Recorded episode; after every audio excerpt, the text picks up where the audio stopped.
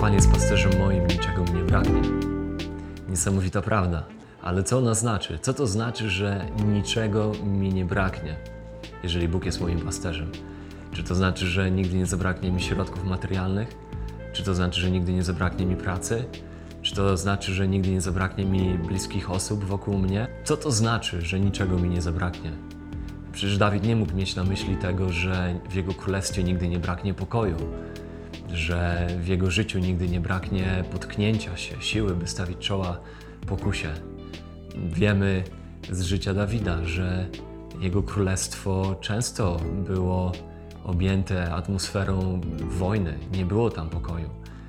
Jedna trzecia psalmów to są psalmy lamentów, w których często to właśnie sam Dawid wyraża swój żal przed Bogiem, chociażby z tego poczucia niesprawiedliwości, które Dawid ma, nosi w sercu z powodu trudności, które go spotykają i jak to wydaje się, że niesprawiedliwemu się powodzi, podczas gdy sprawiedliwy cierpi.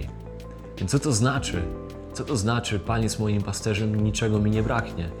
Bo przecież wiemy, że po ludzku mówiąc, wielu rzeczy nam brakuje i będzie nam brakować. Przyjdzie moment, że może nam zabraknąć zdrowia, może nam zabraknąć pracy, może nam zabraknąć środków materialnych. Wielu rzeczy może nam zabraknąć. Więc co to znaczy? Po pierwsze, słowo wszystko i nic zawsze powinno być rozumiane w ich kontekście. Słowo wszystko lub nic rzadko oznaczają wszystko lub nic w sensie uniwersalnym, powszechnym. Kiedy wracam do domu i żona mnie pyta, czy wszystko kupiłem, to nigdy nie ma na myśli tego, czy wykupiłem wszystkie produkty z Lidla. Raczej ma na myśli to, czy kupiłem wszystko z listy zakupów, którą mi wysłała. Kiedy Noe wziął wszystkie zwierzęta na arkę, no to oczywiście wiemy, że nie wziął wszystkich zwierząt z powierzchni ziemi, tylko wziął wszystkie z tych, które miał wziąć na arkę, żeby ocalić poszczególne gatunki. Podobnie Filipian 4:13, kiedy apostoł Paweł pisze: Wszystko mogę w tym, który mnie wzmacnia w Chrystusie. Widzimy z kontekstu bardzo wyraźnie, że Paweł nie ma na myśli tego, że skoro zaufał Chrystusowi, skoro wpatruje się w Chrystusa, to znaczy, że jest w stanie ziścić, zrealizować wszystkie swoje ambicje i wszystkie swoje dążenia i marzenia. Że skoro jest w Chrystusie, to jest w stanie osiągnąć swoją wymarzoną pracę, zdobyć wymarzone stanowisko, osiągnąć wymarzone zwycięstwo w wymarzonej dziedzinie życia. Wiemy z kontekstu, że Paweł mówi o nauczeniu się e, życia, które przynosi Bogu chwałę, które jest życiem zadowolenia, e, bez względu na okoliczności panujące wokół niego. Widzimy to bardzo wyraźnie w poprzedzających dwóch wersetach. Nauczyłem się obfitować, jak i głód cierpieć. Nauczyłem się żyć w dostatku, jak i w niedostatku, dlatego że wszystko mogę w tym, który mnie wzmacnia w Chrystusie. To wszystko to nie jest pokonanie niedostatku i zamiana go w dobrobyt, tylko to wszystko to jest nauczenie się życia, postawy zadowolenia, postawy wpatrywania się w Chrystusa i czerpania radości z życia, nawet w sytuacjach, które są niedostatkiem. Więc kiedy Paweł mówi wszystko mogę w tym, który mnie wzmacnia w Chrystusie, nie mówi o wszystkim w sensie wszystkiego, że jest w stanie wejść na dziesiąte piętro, zaufać Chrystusowi, skoczyć w dół i wznieść się w powietrze na skrzydłach jak orzeł. Tylko raczej wszystko w kontekście tego, o czym pisze w tym fragmencie. Czyli nauczył się w każdej okoliczności życia, nauczył się radować w Panu i odczuwać zadowolenie. Więc co tutaj w Psalmie 23 E, psalmista ma na myśli. Po drugie, jeżeli chodzi o język hebrajski, to czasowniki hebrajskie same w sobie nie zawierają czasu. Czas e, czasowników hebrajskich jest określany przez kontekst.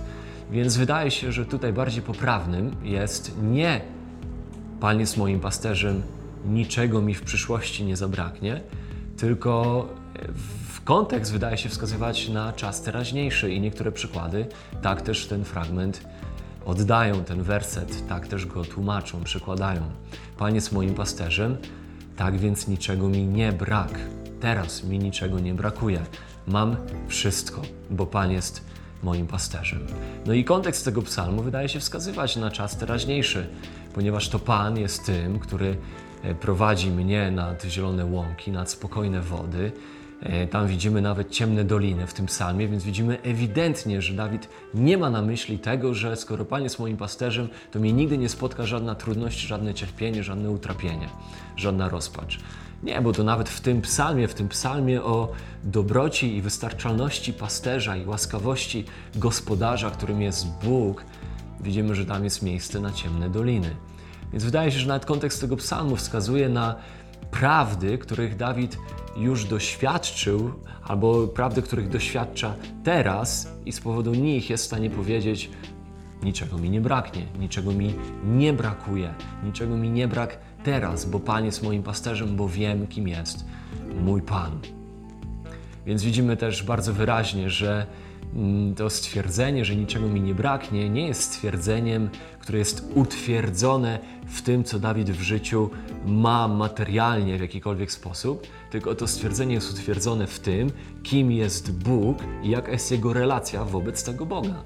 Niczego mi nie braknie, bo Pan jest moim pasterzem, bo to Jahwe jest moim pasterzem. Innymi słowy, skoro mam Jahwe za pasterza, to znaczy, że żyję w poczuciu dostatku, to znaczy, że żyję w poczuciu zadowolenia, to znaczy, że mogę żyć w poczuciu spełnienia nie tylko na zielonych łąkach, nie tylko przy spokojnych wodach, ale także w ciemnych dolinach śmierci, bo Ty jesteś ze mną i wszystkie Twoje ścieżki są sprawiedliwe lub właściwe, ale dojdziemy do tego fragmentu.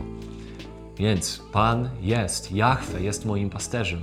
Przyczyna, skutek. Jaki skutek? Tak więc niczego mi nie brakuje.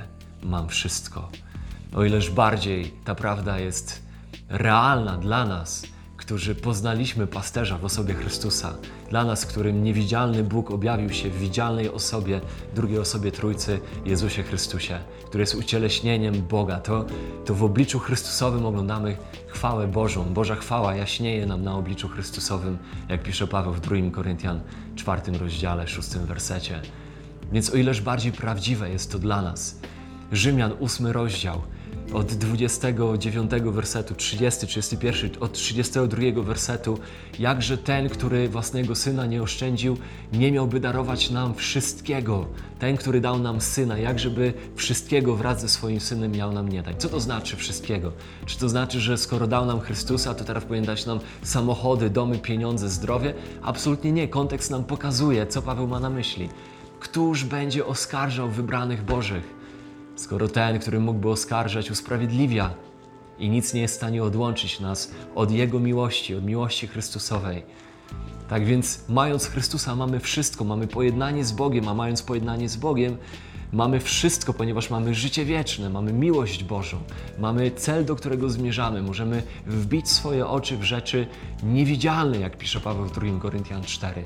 I możemy nie upadać na duchu, ponieważ możemy spojrzeć na wszelki chwilowy ucisk jako lekki w porównaniu do ciężaru czy wielkości wiekuistej chwały, która ma się nam objawić. Mając Chrystusa, mamy wszystko. Nawet kiedy życiowo, materialnie, fizycznie brakuje nam jakichś rzeczy. E, To właśnie w Rzymian w 8 rozdziale, w pierwszym wersecie Paweł zaznacza, dla tych, którzy są w Chrystusie, nie ma już potępienia. To jest to wszystko, co my mamy dzięki Chrystusowi. Mamy wszystko mając Chrystusa, ponieważ dla nas nie ma już potępienia. I tak jak psalmista, wbijając w tym konkretnym momencie swoje oczy w refleksji, w refleksji swojego serca nad dobrocią Bożą, jest w stanie powiedzieć: Skoro Pan jest moim pasterzem, to mi niczego nie brakuje. To ileż bardziej my możemy powiedzieć to samo, wbijając swoje oczy w Chrystusa i w to, co Bóg uczynił dla nas w Chrystusie, kiedy to my znajdujemy się w Nim, nie mając własnej sprawiedliwości, ale okryci Jego sprawiedliwością, sprawiedliwością z wiary, która jest z Boga. My mamy wszystko. Piotr także ukazuje nam w drugim liście Piotra, w pierwszym rozdziale od trzeciego wersetu, jako że Jego boska moc obdarowała nas wszystkim, co potrzebne do życia i pobożności, przez poznanie tego, który nas powołał do chwały i cnoty. Jego boska moc obdarowała nas wszystkim, wszystkim, co jest potrzebne do życia i pobożności. Przez poznanie Go, to przez Niego zostały nam darowane wielkie i cenne obietnice. To właśnie wtedy, kiedy człowiek Boży jest w stanie wbić swoje oczy, swoje serce w refleksji nad dobrocią Bożą właśnie w Chrystusa, w prawdy biblijne, które są objawione dla nas na temat tego, kim jest Bóg i co On dla nas zrobił. Wtedy człowiek Boży może spojrzeć na otaczające go życie, nawet jeżeli ono jest życiem sztormu, czy też życiem przechodzenia akurat przez ciemne doliny śmierci, a mimo wszystko właśnie wtedy, kiedy jego serce i jego oczy są wbite w Chrystusa, może powiedzieć: On jest moim pasterzem. Niczego mi nie brak. Mam wszystko.